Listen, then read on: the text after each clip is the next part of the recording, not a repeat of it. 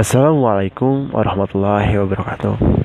Let me introduce myself. Um, my name is Rizky Fitrian with name 2007 and 665.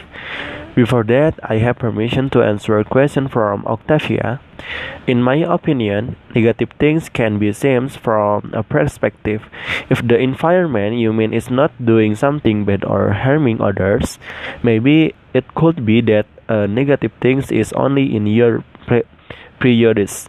Uh, but if it is negative, what you mean is by way for or of their socialization, which uh, produce a negative output such as drug use or violence, it cannot be tolerated. Then, in that in that uh, way, do we change their attitude? First, is by making them aware that is it is wrong, and then uh, by rehabilitating uh, them to so that they can uh, return to normal life. Because the uh, negative thing is a bad life and a bad choice. Thank you